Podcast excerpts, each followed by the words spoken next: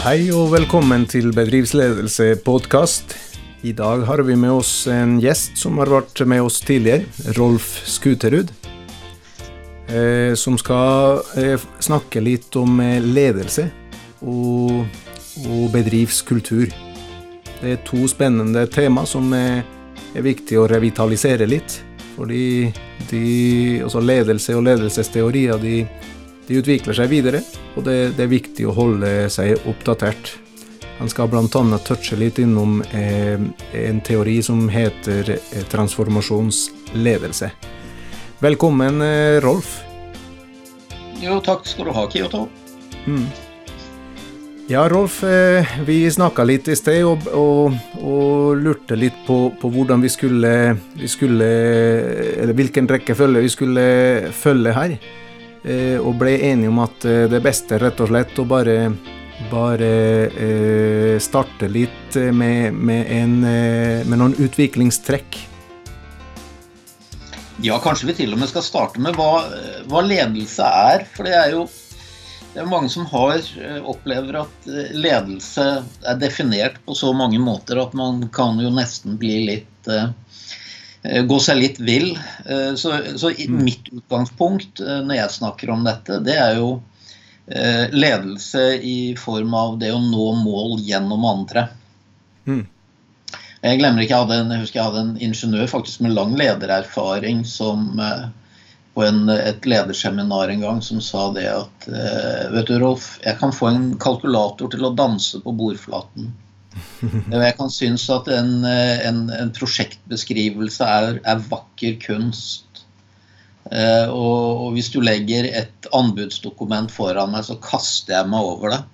Men det der med mennesker, ja, det er noen mystiske greier, altså. Hmm. Det, det, gir meg noen utfordringer i den praktiske hverdag. Og jeg tror faktisk han oppsummerte langt på vei det som er eh, litt av det vi skal tenker jeg ta opp i dag, nemlig dette med at man eh, som leder hele tiden sitter i en gisselsituasjon i forhold til å skal rapportere, skal drive med anbud, skal drive med dokumentasjon, skal holde på med en hel masse. Eh, både fordi det skal rapporteres oppover og sideveis og, og utad. Eh, så ender man opp med at det som blir mest stemoderlig behandlet, det er de som virkelig skaper resultatene nemlig medarbeiderne. De som står der ute i ytterste leddet og skaper verdier hver gang det bankes inn en spiker eller skrus fast en gjenge eller serveres et smørbrød eller en middagsrett osv. Mm. Absolutt. Det var ve veldig bra at du får oss til å starte helt fra starten, for det, dette har med ledelse eh, det, det, høres nesten noen ganger som, som, retorikk, for det snakkes så mye om ledelse og det å lede mennesker, men det, det er faktisk helt sant. Det er faktisk et fenomen som er der i alle bedrifter, alle virksomheter, som, som må ivaretas. Og det kan gjøres på en god eller en dårlig måte. Ja, og jeg tror at mange også som, som, som, er litt sånn bekymret for dette med ledelse, og som opplever at Det var en som en gang sa når jeg spurte hvorfor du leder, ble du leder? Så sa han nei, vet du, jeg var litt uoppmerksom når de spurte meg, og plutselig satt jeg der med hele utfordringen i faget. Ja. Eh, og for mange som, som, som, sitter i en lederposisjon, så tror jeg faktisk at eh, ja, altså Man leser mye om ledelse. Du kan jo ikke altså Det, det ramler inn på mailen. Det, du, du, konfronteres med det overalt. Og det er jo så mye teorier at du kan gå deg aldeles blind. Mm. Eh, og, så, og, så, og, dermed så blir det såpass overveldende også at vi tror at prestasjonsnivået ligger så høyt. Mm. Så er det det at det egentlig mer handler om å se opp fra anbudspapirene. Eh, fokusere litt mer på medarbeiderne. Eh, ta seg en liten eh, tur rundt og, og, og, og, engasjere seg litt i en samtale med folk. Vise interesse for hva de jobber med. Jeg vet ikke hvor mange ganger ikke jeg har hørt fra folk uansett bransje som da hadde sagt skulle ønske lederen min, han eller hun, hadde vært her ute litt og sett hva vi gjorde og presterte, og kunne gi oss litt tilbakemeldinger osv. Mm. Uh, jeg tror ofte det er kanskje den viktigste starten. At man sliter seg løs fra kontoret, fra PC-en, fra uh, uendeligheten av anbudsdokumenter osv. Og, så videre, og faktisk begynner å fokusere på, på menneskene. Mm. Og det er jo for så vidt en tenkning som som man får en viss støtte for, og som, som på en måte har vokst frem. Eh, og det er klart, det er mange teorier rett og slett fordi at tidene forandrer seg. Mm. Altså, hvis du er, eh, ta, ta, noe som alle kan relatere seg til. Hvis du var lagerleder på 20-tallet, altså 1920-tallet, mm. så hadde du en hel sverm av mennesker som uh, surret rundt inne på lageret, plukket ned varer, la det i esker og og, og, skulle sørge for at riktig vare havnet på riktig sted. Mm. Gå inn på et lager i dag.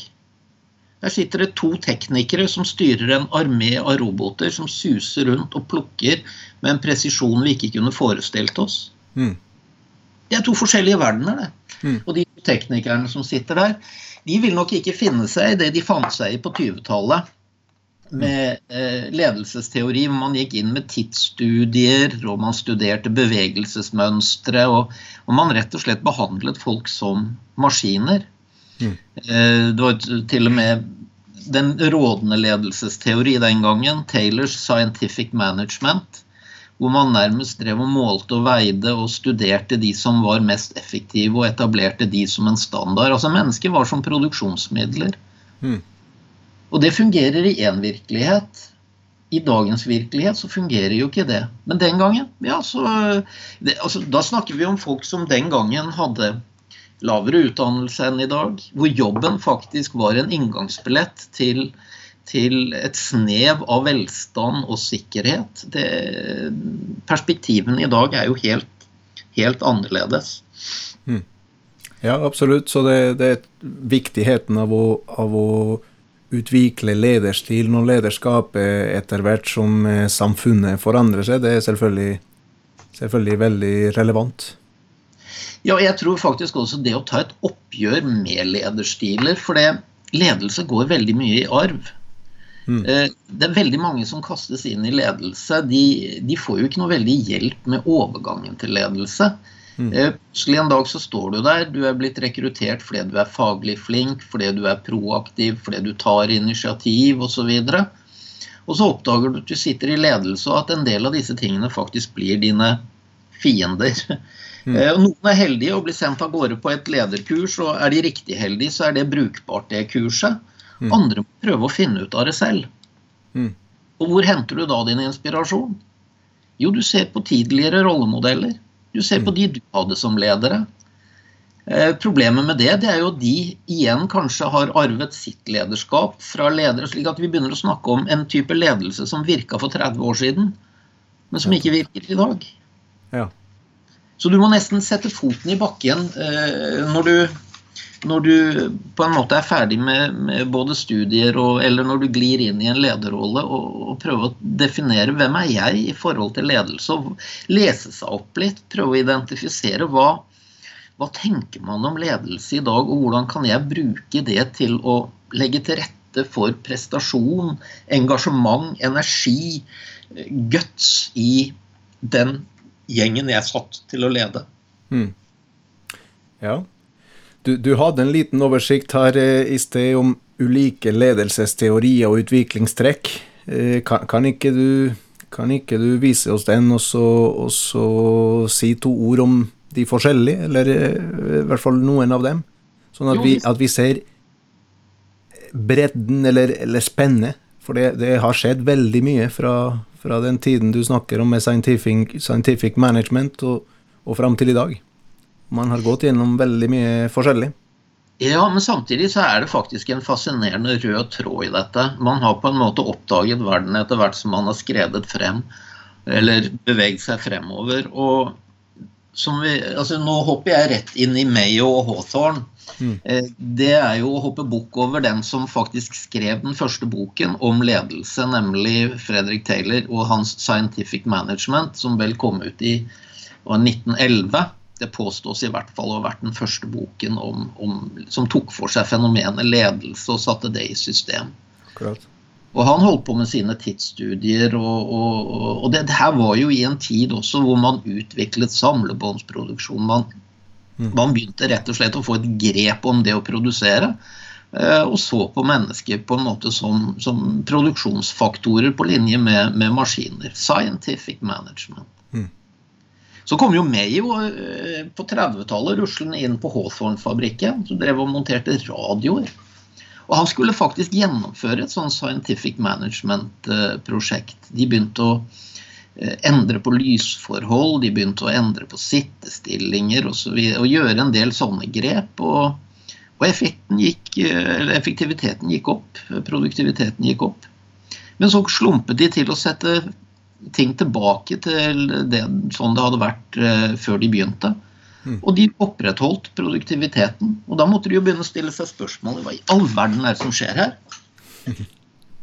eh, og det var da man oppdaget human relations, altså at man så at eh, det at eh, Og det rapporterte også de som da hadde vært gjennom dette. At det at noen viste interesse for det vi drev med, prøvde å forbedre arbeidssituasjonen vår, faktisk snakket med oss, lot oss snakke sammen, bidro til å styrke effektiviteten. Akkurat. Så, så, det var altså ikke de forbedringene de gjorde i, i arbeidsforholdene, men bare det at noen eh, retta oppmerksomheten og brydde seg om dem? Ja. Eh, og da, eh, ut av det vokste jo da det eh, man kalte for human relations-bevegelsen. Så fortsatte man jo på dette sporet på 40-, 50- og 60-tallet med både Ohio-undersøkelser, Michigan-undersøkelser, hvor, hvor, man eh, dyrket frem en, teorier om at det var på en måte to lederstiler om, eh, som, som eh, skilte seg ut. Det var den oppgaveorienterte og den relasjonsorienterte. Mm. Den oppgaveorienterte, som er fokusert på rammer, regler, systemer, strukturer, oppgaver, instrukser og få det gjort. Den relasjonsorienterte, som mer fokuserer på mennesket og, eh, og involverer det i prosessene. De målte også og hevdet å ha belegg for å si at den relasjonsorienterte var mer effektiv, ga bedre resultater. men Eh, men det, ikke, altså det, det, det, er jo ikke entydig, og det skal vi jo se når vi kommer et lite stykke lenger ut i det. At, uh, ut i denne lille gjennomgangen, at det er ikke noe automatikk i, i, det. Men det var i hvert fall slik at man begynte å, å nyansere lederstiler og, og tegne noen, noen, litt andre bilder enn dem, den forestillingen man hadde hatt tidligere. Mm. Dette tok jo Thorstrud videre inn og gjorde undersøkelser i i, i, norske virksomheter, den store arbeidslivsundersøkelsen, som jo faktisk eh, i dag eh, fortsatt finnes igjen i arbeidsmiljøloven i forhold til de psykologiske jobbkravene. Det med å engasjere medarbeidere, i den grad det lar seg gjøre, eh, så mm. skal man ha en mulighet til å påvirke sin arbeidssituasjon osv. Som helt vesentlige elementer ut av disse Ohio-undersøkelsene vokste jo også det Blake og Mutons ledergitter, hvor man så at eh, Og det har jeg jo referert i din bok også, eh, mener jeg å huske. Dette med 9-9-lederen som både evner å være oppgave- og relasjonsorientert. Mm. Hersberg dro jo dette ytterligere videre. og med sin hygiene og motivasjon, hvor motivasjonshygienefaktorene Eh, var det vi eh, altså tidligere hadde sett på som de store motivasjonsfaktorer, lønn og eh, arbeid osv. Men det viste seg at det var jo ikke det som var drivkraftene. Det var mer det at hvis ikke de betingelsene var til stede på en fornuftig måte, så ble man demotivert. Mens motivasjonen lå i det å få ansvar, bli involvert, få tilbakemeldinger, kunne påvirke egen arbeidssituasjon osv. Mm. Bare en liten, Jeg skyter inn bare en liten sånn eh, avklaring av den eh, teorien. For den, den, når jeg holder kurs, så, så, er det noen ganger vanskelig å, å forstå ved første øyekast en eh, Hersbergs tofaktorteori. Mm. For, det, det, det, er nettopp sånn at hygienefaktorene er dem som, hvis de er til stede, så skaper de mistrivsel, for å si det sånn. Ja, hvis de ikke er til stede. Eller hvis de ikke er til stede, ja. Men hvis de er til stede, så, så gjør de ikke så veldig mye på motivasjon. De, de, de fungerer på en måte bare i den ene retninga. Ja. Mens motivasjonsfaktorene er det motsatte. ikke sant? De, de, påvirker bare grad av tilfredshet. I, i den retninga. Ja, men, og hygienen må være på plass for at motivasjonen i det hele tatt skal fungere. Ja. Mm. Og I tillegg så er det jo slik også at en del av disse motivasjonsfaktorene, sånn som det å få tilbakemeldinger og anerkjennelse osv., eh, det har veldig sterk effekt, men kort varighet. Mm. Hvilket betyr at du må være der ute og gi påfyll hele tiden hvis det skal ha en positiv effekt. Mm.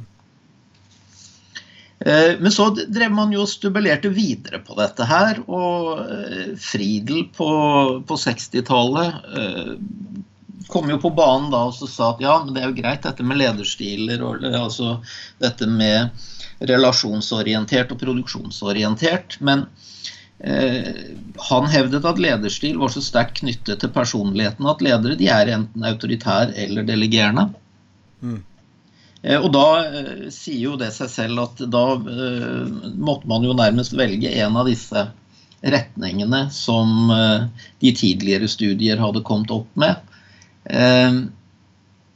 Det var jo for så vidt ikke Hershey Blanchard enig i. De sa at nei da, her kan du få til begge deler. Når de introduserte sin situasjonsbestemte ledelse.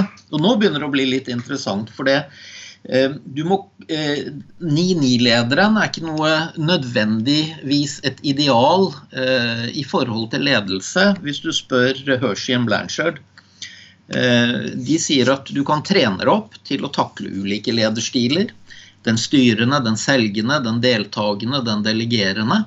Mm. Og det er faktisk nødvendig også å spille ulike lederroller Eh, å gå inn i ulike lederroller rett og slett fordi at eh, du står overfor medarbeidere og i situasjoner som krever ulik tilnærming. Mm. Liksom, altså når den nye læregutten kommer inn på Jaguar-verkstedet, eh, så er det ikke slik at du stuper rett inn i delegering og sier at ja, nå, nå har jeg vært på kurs og lært om delegering, gutt. Nå skal du ta service på Jaguaren til Friele, du. Mm. Den står der borte og koster 1,5 million, og eh, så kommer du bare og spør meg hvis det er et eller annet. Mm. Nei, Da går han inn og så gir han nøye instrukser om hvordan ting skal gjøres, og er tett på med oppfølging og anerkjennelse, og gradvis bygger opp til neste fase, hvor du istedenfor å være styrende, kan bli mer selgende. Mm. Hvor du kan si at du, eh, nå prøvde du dette sist, hva med å tenke i en litt annen retning neste gang? Og så gradvis, etter hvert som da tryggheten og tilliten vokser, så kan du bli mer deltakende. Og har du gjort denne jobben grundig, ifølge uh, Hershey Blanchard, så kommer du til det punkt hvor du faktisk kan unne deg å delegere. For å delegere, det er noe du gjør deg fortjent til. Det er noe du bygger opp trygghet og kompetanse hos medarbeidere til å takle. Eh, og det kan være helt brutalt hvis du bare kaster deg rundt en dag og plutselig begynner å si at nei, nå skal jeg være veldig delegerende i min tilnærming her, uh, på et publikum som er uforberedt. Mm. Samtidig som du selvfølgelig har det fenomenet at du har folk i bedriften som er ekstremt erfarne, dyktige. De er på mange områder dyktigere enn deg selv.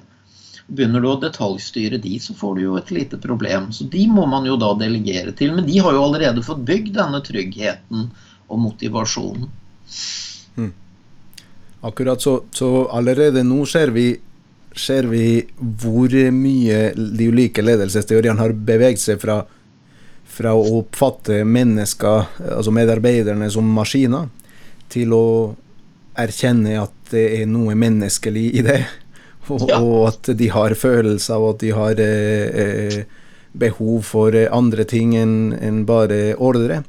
Og, og så har, er vi allerede på, på en, eh, en, ledelsesform hvor det ikke bare erkjennes at det er mennesker det er snakk om, og de, at de er forskjellige, men at det er også at det er også ulike situasjoner og ulike typer mennesker eh, hvor en må tilpasse lederstilen sin. Nettopp. Mm. Å tilpasse lederstilen sin er jo nøkkelordet til Hershey Blanchard. At du må rett og slett For det, vi er nå engang slik bygd at vi er litt forskjellige. Og, og noen, jeg f.eks., er overdisponert for å delegere. Vi er ikke så glad i å gå inn i detaljer og styre og, og, og, detaljbeskrive for folk. Så jeg kan nok fort havne i den situasjonen at uh, det, blir, det blir delegert litt for mye. Mm. Og folk kan føle en grad av usikkerhet. Eh, mens andre som er mer detaljorienterte, mer sikkerhetsorienterte osv., kan bli veldig fokusert på den styrende stilen og få noe mer utfordringer i forhold til den, den delegerende. Mm. Så her handler det jo rett og slett også om at vi i forhold til lederrollen vi velger overfor medarbeidere, må stille oss om, og noen ganger faktisk bli veldig utfordret i forhold til at vi må eh, velge tilnærminger som ikke er ting som, som vi nødvendigvis er fryktelig gode på, og som vi ikke nødvendigvis heller blir veldig gode på, men som vi kan bli gode nok på til at det fungerer. Mm. Ja, men der stopper ikke utviklinga av ledelse. det er klart at eh, etter hvert som man nå blir mer og mer, og mer oppmerksom på betydningen av, eh, av medarbeidere, og, og så, så, så, drar jo Spurkland videre både med referanse til Thorsrud og med referanse til disse undersøkelsene på, eh, som, eh, som, dro frem det relasjons... Eh, det, det viktige med relasjonene. Eh, fra Ohio- og Michigan-undersøkelsene så har jo Spurkland eh, formulert relasjonsledelse. Du kan jo i dag faktisk gå på Relasjonsakademiet. Altså hvor du blir eh, Du får trening i å etablere og utvikle gode relasjoner til medarbeidere. Det kan høres litt underlig ut, men det faktiske forhold er at det å ha effektiv, altså det å, å ha effektive relasjoner til medarbeidere tydelige forventninger og tydelige avklarte forventninger og en, og en balans, balansert samhandling, det er ikke nødvendigvis eh, noe man får til sånn helt uten videre. Eh, det, det, det, det, krever noe av en i forhold til hvordan man både nærmer seg medarbeidere og betrakter medarbeidere. Det å ha god relasjonskompetanse, rett og slett. Og dette er jo blitt tatt videre da inn i transformasjonsledelse. Som eh, Burns, Gladsø, Mathisen Det var Burns en gang på 70-tallet som begynte å formulere det. Mm. Eh, og som da eh, i dag eh, anses for på en måte å være den den ledende tilnærming til, til, ledelse. Ikke i alle situasjoner, naturlig nok, men, men, i hvert fall legge en norm for hvordan man kan tilnærme seg dette med ledelse. I form av transformasjonsledelse. Eh, som inntreffer når en leder som det står, engasjerer seg i medarbeideren på en slik måte at både motivasjon og moralsk atferd og bevissthet blir stimulert. Akkurat. Og slett at du uh, i motsetning til den transaksjonsledelsen som vi veldig ofte har vært vant til, hvor man på en måte bytter handling mot belønning, så, så handler det her om å, å, involvere og inkludere og engasjere medarbeiderne på en, på en helt annen måte. Eh, og hvorfor er dette vesentlig i dag? Eh, hvorfor, eh, hvorfor, dette fokuset på, på, transformasjonsledelse? Vel, for det første så er det jo slik at kampen om å tiltrekke seg og beholde de rette arbeidstakerne i dag er vesentlig. Det er jo nok av bransjer hvor man ser at det å få tak i, i gode folk viser seg å være utfordrende. Få tak i folk i det hele tatt kan være utfordrende. Mm. Og kanskje særlig få tak i de som er litt ekstra motiverte, engasjerte, nysgjerrige, faglig, en, eh, faglig engasjerte og, og, ønsker å utvikle seg innenfor sitt eh, fag. De som kan løfte bedriften akkurat de få prosentene ekstra. Mm. Det er en type medarbeidere som faktisk krever en del i forhold til lederskap. De sitter og observerer deg på intervjuet. De. Og så mm. tenker de er du en leder som kan gi meg det jeg er på jakt etter? Mm. Så du nærmest som er oppe til eksamen i forhold til eh, en del rekrutteringsprosesser. Og det er de du vil ha tak i. De som eh, har et så engasjement, altså de du kan få lokket over til bedriften ved å gi dem noen tusenlapper ekstra i lønn, det er noe så sin sak. De forsvinner igjen i neste uke når noen andre vifter med tusenlappene. Nei, det du skal ha tak i, det er de som velger deg og din bedrift og ditt lederskap Fordi de opplever at her kan jeg lære noe, her kan jeg utvikle meg, her kan jeg få utfordringer. Eh, og på den måten komme videre i min karriere. Mm.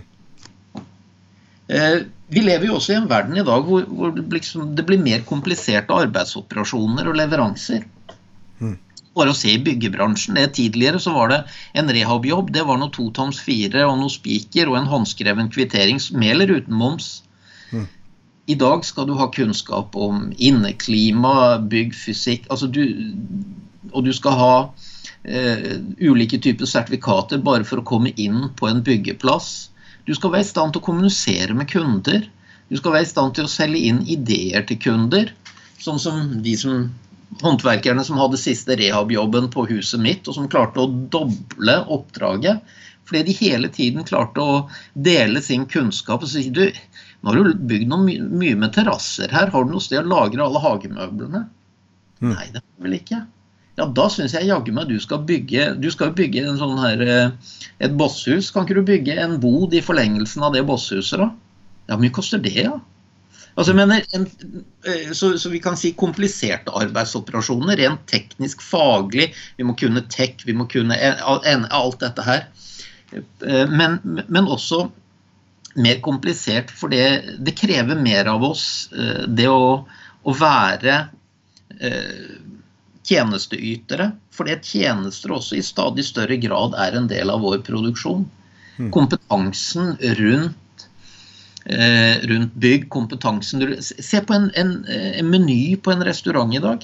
Altså det er jo så mye allergener og så mye ernæring og så mye forståelse av, av, av, av ting som går langt ut forbi det å, å, sette sammen sauser og annet. Du skal, du skal virkelig eh, utvikle og sette på plass mye kompetanse. I tillegg til at vi som, som kunder er blitt mer krevende. Mm. Vi er jo tøffe, altså slik at uh, vi forventer mer, uh, uansett hvem vi er i dialog med, i forhold til hvordan de leverer tjenesten, som jo blir en større og større del av. Se, se på en samsvarserklæringer og, og FDV-er og alt dette her. altså Bare den runden du går når du er ferdig med et prosjekt på huset. du du, sitte, du sitter jo i lang tid og går igjennom og kvalitetssikrer at alt er gjort uh, riktig osv. Så, videre. så det er jo så mye mer enn bare det rent fysiske produktet. Det er mye kompetanse. Mm. Og du møter nå også, som vi så vidt var inne på helt innledningsvis her nå med i forhold til de rette medarbeiderne. Du, du møter nye medarbeidere eh, som, eh, som, har andre tilnærminger. De har andre forventninger. Eh, når jeg startet ut i jobb, så var jeg jo knallglad for å få en jobb. Altså det skulle jo tjene noen penger, og du kunne eh, kjøpe deg en bil, og du kunne De, de tar jo ikke sertifikat engang i dag. Mm. De har ikke NRK-abonnementer, de ser ikke på TV. altså De lever et helt annet liv enn det du gjør. Hvor innstilt er du på den kanalen? Mm. Så, så, Det betyr at det, det, er hele tiden nye utfordringer i utformingen av lederrolle og det å utøve praktisk lederatferd. Eh, fordi vi får ut nye generasjoner. Vi skal jo ikke gjøre de så spesielle. Dette er jo flotte ungdommer. Det er bare at de lever et helt annet liv. De lever sitt liv på, på padder og mobiler og, og, og internett. Altså, de har en helt annen tilnærming til svært mye enn det vi har. Og de tenker annerledes om jobbsituasjonen. Mm. De opplever de har et solid nettverk. Altså de, det, det, er andre knapper å trykke på eh, i forhold til ledelse. Så kort oppsummert, også all, alle de tingene du nevner her, er, kan kanskje oppsummeres med at eh, arbeidslivet i dag er så komplekst at det holder ikke med, med enkle enklere ledelsesteorier som, som ikke er tilpassa dagens samfunn. Det kan du godt si, men samtidig så skal vi være veldig forsiktige med å gjøre det for komplisert, for det er ikke så forbaska komplisert. Det er bare det at du må ha fokuset, eh, som jeg var inne på tidligere. Eh, må slite blikket vekk fra dataskjermen og, og, og anbudsdokumentene og rapportene og, og, prognosene og alt dette her, og se eh, denne her kroppen som står i døra og, og, lurer på hva de skal gjøre, og faktisk engasjere deg i forhold til det. Kanskje du til og med beveger deg ut og, og, og går i dialog med medarbeidere. Og det er det jo mange som gjør, og som er veldig flinke til, og som nettopp derfor også opplever at de får noen resultater som, som, som er litt spennende. Mm. Eh, de, de, har sitt fokus på at altså, Når jeg sitter her og, og, skal lede og legge til rette for at disse menneskene skal lykkes, så handler det om at jeg da kanskje mer skal ha mitt fokus på å inspirere. Jeg skal ikke være kongen på haugen faglig, men jeg skal være den som inspirerer til faglig engasjement. Eh, jeg skal være bidragsyteren til at folk utvikler seg. Jeg skal ikke være redd for at noen av de på noen områder blir dyktigere enn meg. Jeg skal utfordre de litt. Mm. Eh, få de til å tøye sine egne grenser litt. Grann. Samtidig som vi skal skape gode relasjoner. For det handler ikke om at vi skal skape mer konkurranse, men, men vi skal prøve å skape noen gode relasjoner som gjør at vi faktisk evner å skape resultater.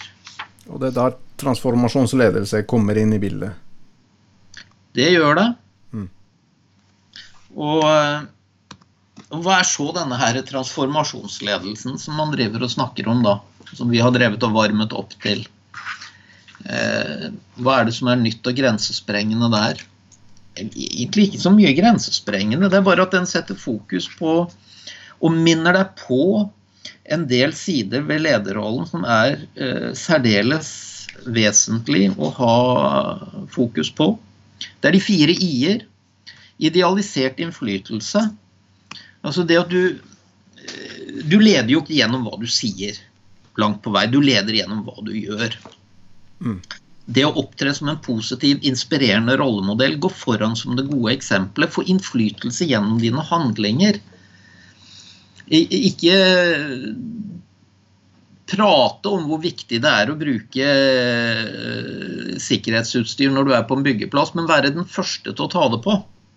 Mm. Eh, ikke holde flammende innlegg i virksomheten om uh, hvor viktig det er at vi ser hverandre og, og, tar vare på hverandre, og så går du rett forbi en medarbeider som absolutt ser ut til å ha behov for å bli sett og tatt vare på. Mm. Altså Det er hvordan du handler, hva du agerer. Det er faktisk slik at medarbeidere har en, en lei tendens til ikke å høre så veldig mye etter hva du sier, men de er veldig opptatt av hva du gjør. Mm. Slik at bevissthet rundt det Eh, ikke fordi at man skal hoppe rundt som en sprellemann og skape engasjement, men eh, gjennom å ha et sett, altså tenke gjennom verdisettet sitt og, og, og, opptre på en slik måte at du rent faktisk får den effekten du er på jakt etter. Altså Skrekkscenario det er jo lederen som står ute på en byggeplass og skjeller ut en stakkars læregutt som har glemt å få på seg eh, verneskoene. Eh, og selv står der i dress og uten det minste antydning til det verneutstyret du skal ha ute på den byggeplassen. Mm. Ikke sant?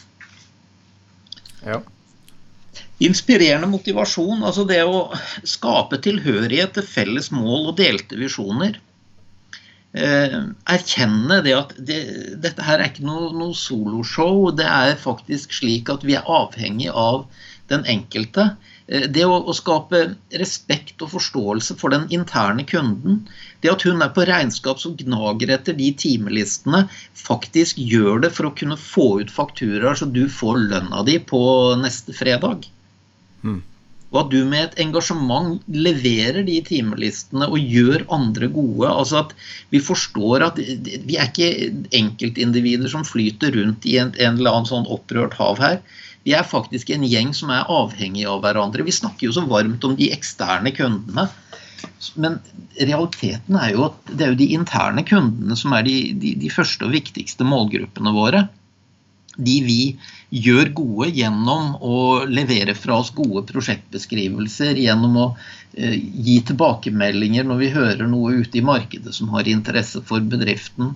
Eh, når vi skriver ordentlig, eh, et ordentlig fakturagrunnlag, altså når vi gjør alle disse øvelsene som gjør andre gode, og som gjør at vi i fellesskap klarer å skape eh, Vi bygger ikke hus, vi, vi skaper Vi realiserer drømmer.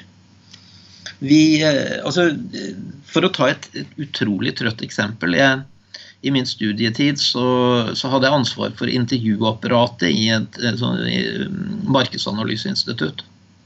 Ja, dette var folk som på kveldstid skulle sitte og få rimelig mye kjeft for å ringe og forstyrre folk.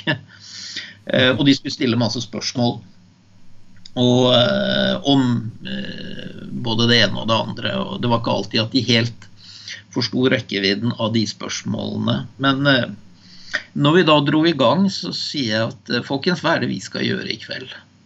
Gjerne ofte hvis det var en del nye. Nei, vi skal nå stille en del spørsmål og, og så videre. Nei, så det er ikke det vi skal gjøre. Å, er det ikke det? Ja, hva er det vi skal da? Jo, vi skal skape overskriften i Bergens Tidende i morgen, vi. Det sitter journalister på desken i BT og venter på dataene. Vi skal påvirke markedsplanen til Jeger vi i morgen. Mm. Det, vi kommer til å spille en rolle i forhold til om det blir en Hardangerbro eller ikke. Det er mm. det vi driver med her. Vi driver ikke og stiller folk spørsmål. Å stille spørsmål det kan hvem som helst gjøre. Vi skaper endringer gjennom den måten vi eh, klarer å gjøre dette på en så faglig god måte at det blir de riktige resultatene, og dette spilles tilbake til de som faktisk har bestilt det. Mm. Akkurat som han som satt og hogde inn hos stein og fikk spørsmål hva driver du med, er du steinhogger? Nei, jeg bygger den katedralen der borte. Hvilke, hvilke, hvilke tilnærminger vi har til det vi gjør. Mm.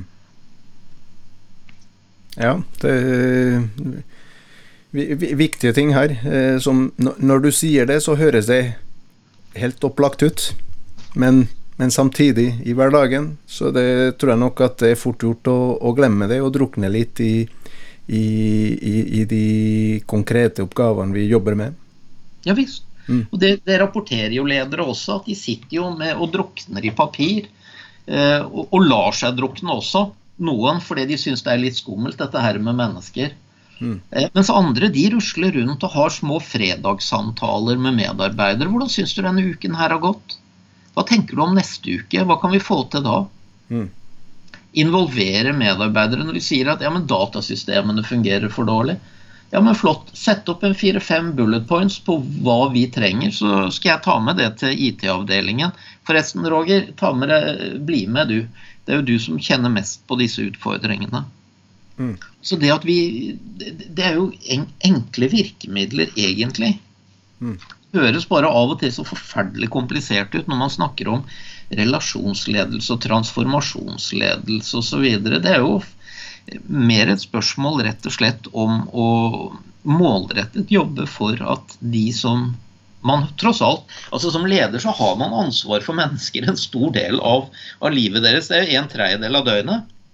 Ikke sant? Mm. Er faktisk relativt viktig å gjøre det så, eh, så bra at de, de, gleder seg til å tilbringe den tredjedelen av døgnet på denne jobben med disse utfordringene. Noen ganger er det helt ille, altså det er slitsomt, det er stressende osv. Men du gjør det allikevel med et smil, for det er faktisk slik at totaliteten gjør at du opplever at dette her er motiverende. Mm. Eh, bra, eh, bra at, du, du, gjentar flere ganger at dette her er til syvende og sist ikke så komplisert. For det er fort gjort at man, når man leser om ledelse, så er det ofte i, i veldig sånn akademisk eh, kontekst, og, og, som forskningsfelt, så, ja. så, er det selvfølgelig komplisert måten det forskes på, og, og hvilke konklusjoner man trekker fra det. Men eh, i praksis, altså ledelse i praksis, det, det handler om å, om å, benytte seg av, av disse teoriene og prinsippene og, og, og, faktisk gjøre noen konkrete handlinger ut av det. Så det er veldig bra måten du, du fremstiller det på, selv om det er et komplisert forskningsfelt. Men, men eh, i praksis så, så, handler det som du sier om, om mennesker og, og ganske grunnleggende behov og mekanismer. Ja da, og man kan jo forske seg i hjel på det. og, og øh, men det, det, var som jeg hadde, jeg hadde en sjef i konsulentbransjen en gang som når jeg begynte å bli for komplisert Jeg sto frem og, og, og, vi skulle sy sammen et eller annet program, og det begynte å bli mange variabler, så brølte han 'Kiss'. Ja. Keep it simple, stupid. Mm. Hvis du nå tar av i alle mulige retninger, så det, det, det, blir uhåndterlig. Vi må få dette kokt ned til noe som faktisk er gjennomførbart, mm. og som kan gi effekt i morgen.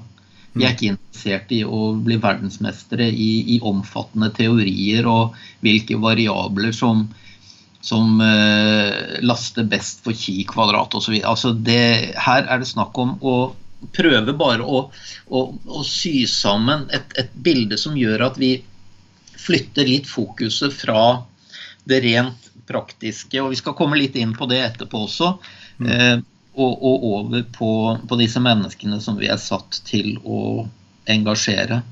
Og som vi da forsøker også å stimulere intellektuelt gjennom å inkludere i avgjørelser, utfordre, stimulere til selvstendighet og nye løsningsmetoder. Mm. Jeg har jo hatt en del medarbeidere opp gjennom årene. og Jeg oppdager til min store forskrekkelse at hvis jeg de, lar de være i fred, så kommer de opp med ting som faktisk er bedre enn det jeg klarte å komme opp med. I noen tilfeller. Mm. Hvis de får utfordringen, hvis de eh, ikke jeg løper etter de og forteller de hvordan ting skal gjøres, men de faktisk har et rammeverk, så kommer de tilbake med ideer og løsninger som, som jeg faktisk ikke helt hadde forestilt meg.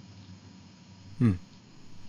Uh, når man da får lov også faktisk å være med på å ta avgjørelser, da har man jo et eierskap til det som gjør at man får et sterkere engasjement for å gjennomføre.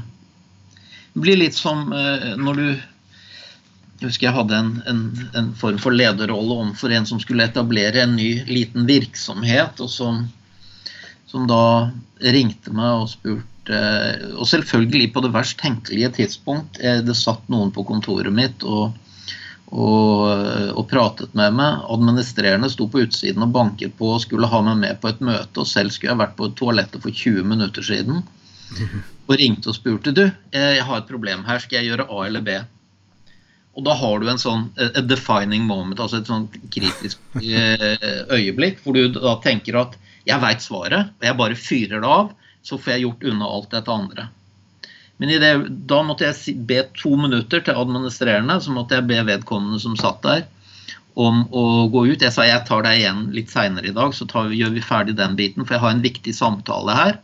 Mm. Så kneip jeg igjen enda litt til, og så sier jeg ja, men Eva, hva har du tenkt? For dette har du tenkt litt på. Mm. Ja, hun ha, jo, hun hadde jo for så vidt det. Vi kunne gjøre sånn, eller kunne gjøre sånn. Ja, men så flott, da. Hvilke, hva, hva, tenker du er, er, utfordringen med å velge A kontra B? Nei, A så, Og gradvis sier jeg men vet du, når jeg sitter og hører på deg nå, så Du har jo svaret. Du ringer jo bare meg for å få på en måte en bekreftelse. Ja, jo, jo. Jeg, jeg går egentlig for A. Jeg er helt enig, sier jeg. Selv om jeg hadde B. Men det var ikke noe, var ikke noe stort poeng. Mm. Så det å, det å, finne de øyeblikkene og faktisk da eh, sette seg selv litt utenfor og, og utfordre, mm. så kan du få, eh, få, litt dynamikk ut av det. Det faktiske enden på visen var at jeg måtte jo etter hvert ringe henne og lure på og undersøke du, hvordan går det. Nei, det går strålende. Og den virksomheten hun etablerte, den gikk jo i pluss på et usedvanlig tidlig tidspunkt. Eh, i forhold til hva som var vanlig i, i den bransjen. Jeg skal ikke si at det har noe med, med min tilnærming å gjøre, men det, det, la i hvert fall ikke noe demper på det.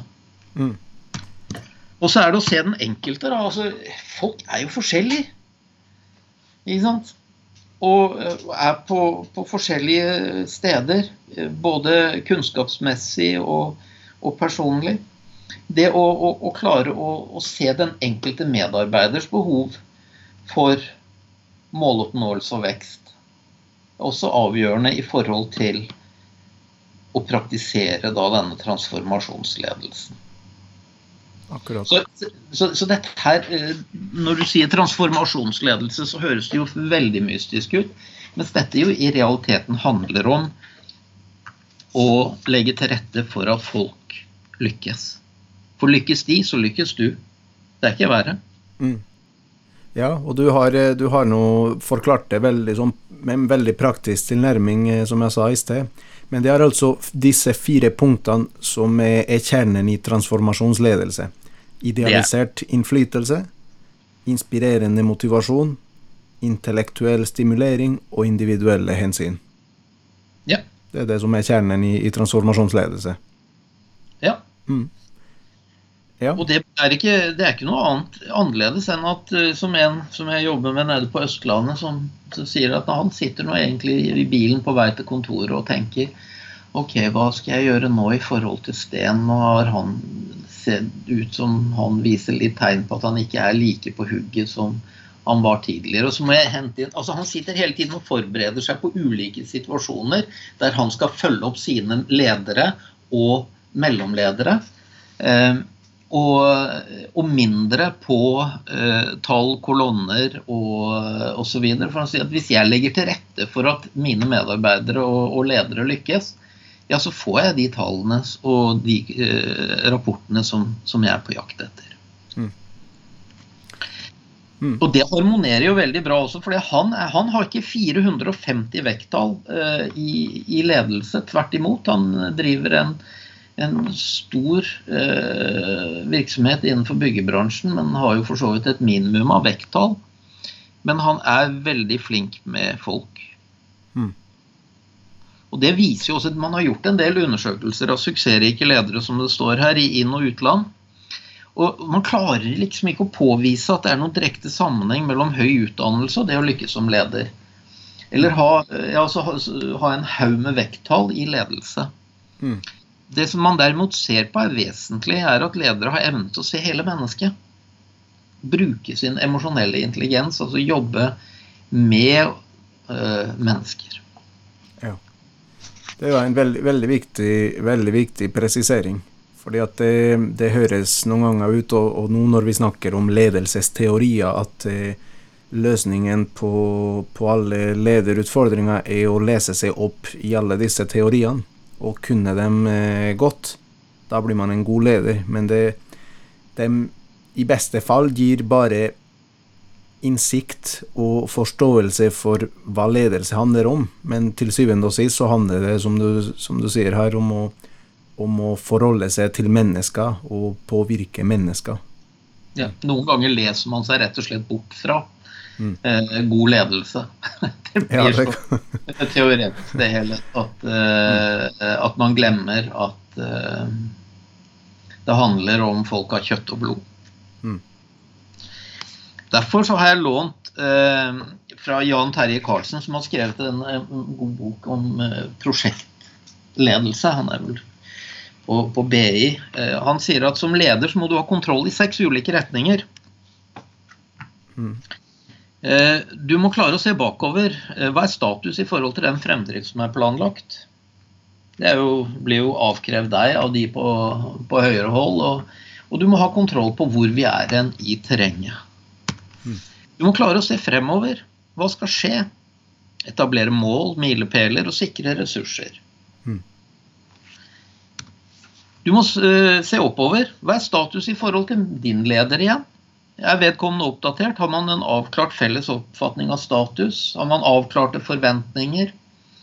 Uh, er, er den dimensjonen ivaretatt? Du må klare å se utover. Hva er status i forhold til andre interessenter? andre aktører i prosessen, andre som har interesse i bedriften. Alle de som på en eller annen måte påvirker eh, virksomheten, eller påvirkes av virksomheten. Du enten leder eller er en, en del av. Mm. Eh, og dette kommer jo på toppen av at du har sittet med bunker av eh, anbud, rapporter eh, osv. osv. Så har vi to retninger igjen som faktisk er uhyre viktige, for nå begynner vi å nærme oss det kanskje helt avgjørende, nemlig nedover. Hva er status i forhold til den enkelte medarbeider og teamet som helhet? Mm. Har jeg satt foten i bakken? Og, og, og, jeg, hvis noen hadde stilt meg spørsmålet i morgen du, Hva er status i forhold til dine ulike ledere eller teamet ditt? Eh, i forhold til samhandling, fremdrift også, og, og, og, motivasjon, engasjement. Kunne jeg svart på det? Mm.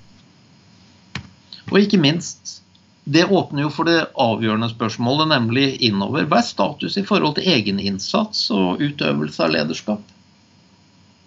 Mm. Veldig bra. Du, du, sa at du har lånt dette her fra, eh, fra prosjektledelse, ikke sant? Ja, Jan Terje Karlsen, han eh, fant jeg denne i. I hvert fall den på en måte oppsummerte mm. fokusområdene på en, på en, veldig grei måte. At, men av og til så skal du faktisk riste litt her. og så skal Du si at du skal ikke begynne på toppen, du skal begynne nederst. Mm. Du skal ta en liten samtale med deg selv i forhold til hva du har gjort med lederskapet ditt og din måte å tilnærme deg ledelse på i den senere tid. Mm. Og så skal du bruke det som et springbrett på å vurdere hva er status i forhold til den enkelte medarbeider og teamet som helhet.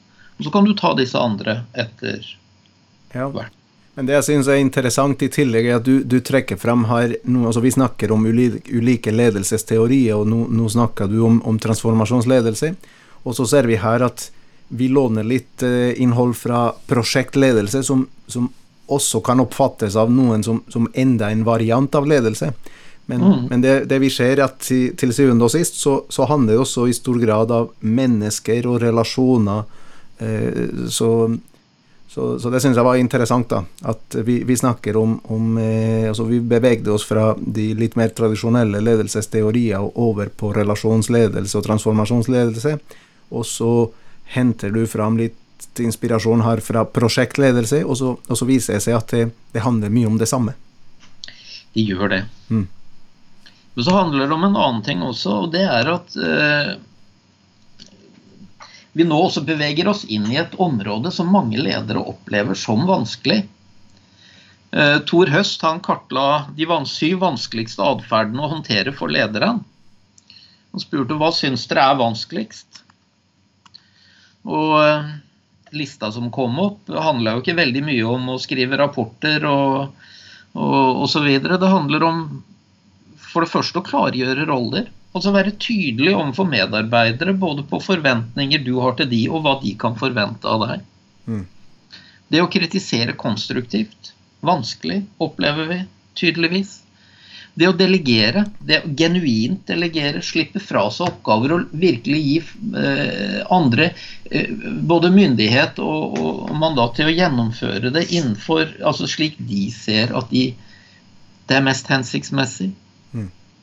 Det å håndtere konflikter istedenfor å skyve det under teppet, lukke øya, håpe at det har gått over når du åpner det igjen, og ende opp med tunge samtaler og, og rystelser i organisasjonen. Mm. Det å sette mål, eller bidra til at andre setter mål, øh, løfter seg øh, Det å rose og anerkjenne. Mm. Det Jeg vet ikke hvorfor det skal oppleves som så vanskelig, men eh, jeg ser jo poenget. Det er altså jeg, jeg, har jo opplevd selv hvordan man håndterer det å få positive tilbakemeldinger. Det har jeg vært nødt til å trene meg på for å få åpnet noen kommunikasjonskanaler jeg har jo opplevd det mirakuløse at noen av studenter har kommet frem til meg etter en forelesning og så har de sagt du, Skuterud, det der du tok opp, det, det, var virkelig interessant. altså Det traff veldig bra. Mm. Og den vanlige reaksjonen, eller min umiddelbare reaksjon da, det er faktisk å bli litt sjenert. Snu meg litt vekk og, og rote i litt papirer, rett og slett For jeg har vært, eh, eller jeg var dårlig på å takle den type mm. eh, tilbakemeldinger. Og så Jeg har vært nødt til å trene meg på da å snu meg, se, rett, se rett på oss og si takk skal du ha. Takk for at du tok deg tid til å gi meg den tilbakemeldingen. Det skal jeg ta med til en tung dag. Det satte jeg veldig pris på. Mm. Da, de får energi av det. Går ut i, i, i, skolegården, deler dette med andre. Og så går det kanskje noen uker, så får man en ny sånn. Og må konsentrere seg om å ta den tilbakemeldingen på en positiv måte. Mm. Og Hvis du lykkes med det, så kommer du kanskje til gullet, nemlig at enda to uker frem i tid så er det en student som kommer frem og sier du, Skuterud, det du snakket om i forrige time, det må jeg ærlig innrømme at det skjønte jeg ikke helt. Mm. Takk skal du ha. Dæger, nå berga du meg ut av en eh, knipe. For det, dette er et viktig tema. Og hvis du ikke har forstått det, så er jeg ganske sikker på at mange andre ikke har fått det med seg heller. Tusen eh, Når jeg kommer inn igjen, så skal jeg dra det opp igjen på, på, nytt uten å referere til deg. Og så går jeg inn igjen, og så får jeg muligheten da til å si at folkens, det vi gikk gjennom i forrige time, det, det var ikke noe lysende pedagogisk bragd fra min side. Jeg, jeg, jeg sto, kjente etterpå at ikke den satt helt. Så er det greit at vi bare går ett sted tilbake, og så henter vi opp igjen det vi snakket om da.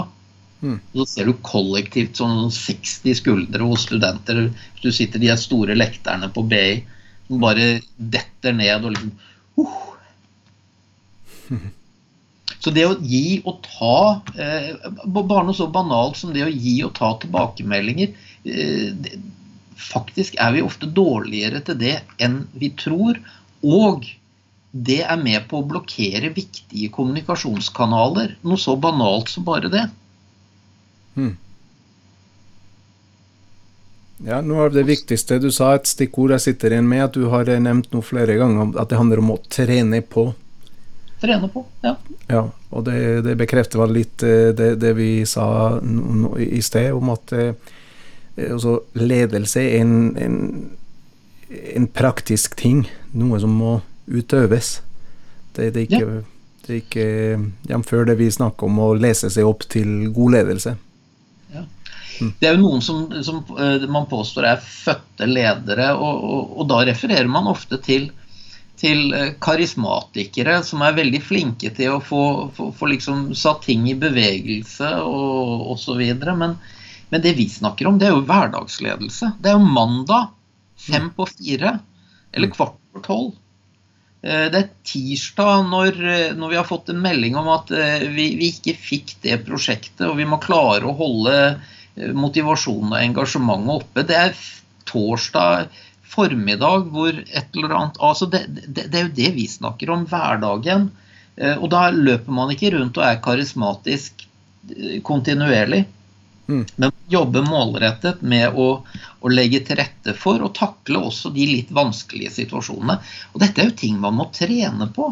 Altså, ved å be om tilbakemeldinger også på eget lederskap, ved å, å, ha eh, fortrolige man kan samtale med, som kan gi en tilbakemeldinger på når man er usikker på hvordan en situasjon skal takles. Jeg har jo en sånn rolle for en del ledere som kan, ringer til meg og, og, og, vil diskutere problemstillinger. Rett og slett for å få andre innfallsvinkler, for å, for å, eh, å eksponere seg for Hvor jeg da kan si at ja, men som en så er det jeg så frustrert. Så fredagsmøtene fungerer ikke lenger. Medarbeiderne kommer og går etter kjøttprisen i London. De er uforberedt osv. Ja, så sier jeg Skal jeg fortelle deg hvorfor? Ja Det har ikke noe med liksom, tidspunkt eller annet å gjøre. Det er fordi du er verst. Det er jo du som drar opp mobiltelefonen hele tiden. Det er du kommer for seint. Du løper ut for å snakke i telefon, mens dine ledere sitter klar til å rapportere og, og gå i dialog. Det er klart Da begynner jo de å adoptere samme atferden. Mm. Du må ha noen rundt deg som faktisk tør å, å, å, si at du er flink på veldig mange områder, men det er også noen områder som er noen unoter som du kanskje kan ta tak i. Du blir ikke god til å sykle uten å prøve å trene på å sykle. ikke sant? Og så faller du noen ganger, og er du heldig da, så er ikke sykkelen helt ødelagt, så du kan klatre opp og ned og sykle videre. Mm. Eh, og kanskje noen til og med har forklart deg prinsippene rundt sykling. Kanskje noen til og med går og holder litt i ramma de første meterne, sånn at du blir litt trygg på dette. Men det å ha noen rundt seg som kan utfordre en på å gi ærlige tilbakemeldinger, og også det å søke i sånn som i medarbeider- og utviklingssamtaler, at, man, at ikke det blir en sånn enveissak med, med medarbeidere hvor de skal erklære sin uforbeholdne kjærlighet til virksomheten men en reell dialog hvor begge kan gi hverandre tilbakemeldinger i forhold til hvordan man skal utvikle relasjonen videre og samarbeide videre osv. Mm. Og Da er vi inne på kanskje den viktigste og enkleste og nærmeste ledelsesformen av alle. Nemlig Nå eh, kom det en annen foil enn det jeg hadde tenkt, men ok, vi, vi tar et hakk tilbake. Nemlig selvledelse. Akkurat. Skal du lede andre, så må du være dyktig på å lede deg selv. Først og fremst. Mm.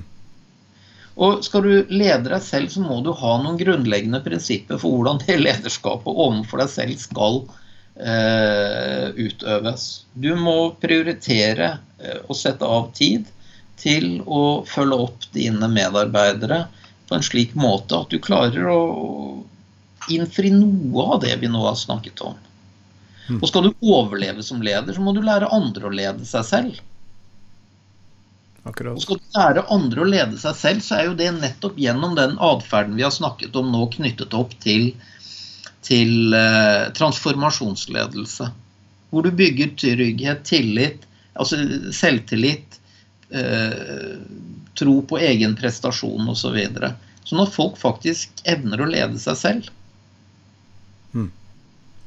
Så her trekker du inn enda en ledelsesteori, selvledelse, hvor du sier at det handler om å både, både eh, lære seg å, å, å lede ens egen hverdag og, og, og lederskap som leder, samtidig som man må hjelpe medarbeiderne til å lære seg å lede seg sjøl i, i, noen situasjoner. Ja, og hvis du skal altså, øh, og Da er vi jo tilbake til at det er du som leder har styr på din egen hverdag. Eh, det er du som prioriterer, det er du som gjør valgene. Du kan velge å drukne deg selv i papir, rapporter, systemer, strukturer og rutiner. Eller du kan velge å ta et skritt tilbake og jobbe og sette av tid og energi til å jobbe med medarbeidere for å løfte de og for å få de mer selvgående. For det er jo som jeg Av og til har jeg møtt på ledere som har sagt ja, men jeg har et sånt evig renn inn på kontoret av medarbeidere som spør hva de skal gjøre. Mm. Ja vel, sier jeg. Hvem er det som har lært de det? Mm. Eh, er det en sånn medfødt egenskap hos dine medarbeidere at de løper til deg for å spørre om hva de skal gjøre? Eller er det noe de har lært seg rett og slett fordi at de, eh, de det, er den enkle veien. Mm. Det er, eh, da slipper de å tenke sjøl, og da veit de at det de gjør, det, det, kan de i hvert fall ikke bli hengt for. For det, det kommer jo fra høvdingen sjøl. Akkurat. Eh, ja. Eh, Rolf, Eh, vet du hva jeg tror? Jeg tror vi skal, vi skal sette en midlertidig strek her. Eh, for det, du har også noe du skal fortelle oss om koblingen mellom ledelse, og, og, og konkret transformasjonsledelse, og kultur. Og det tror jeg er et spennende tema eh, som vi må, vi må gjennom. Eh, men eh, for at eh, podkasten ikke skal bli så altfor lang for våre lyttere, så, så tar vi en, en, midlertidig eh, strek her. Setter vi en midlertidig strek, og så, og så ønsker jeg deg velkommen på neste episode, hvor du forklarer oss koblingen mellom det vi har snakka om i dag, om ledelse, og bedriftskultur. Ja. Så da sier jeg foreløpig takk eh, for at du eh, hjalp oss å, å, å, forstå litt bedre noen ledelsesteorier og, og forstå utviklinga av dem. Så, så, ønsker jeg deg velkommen eh, på neste episode, hvor du forklarer oss den sammenhengen mellom ledelse og bedriftskultur.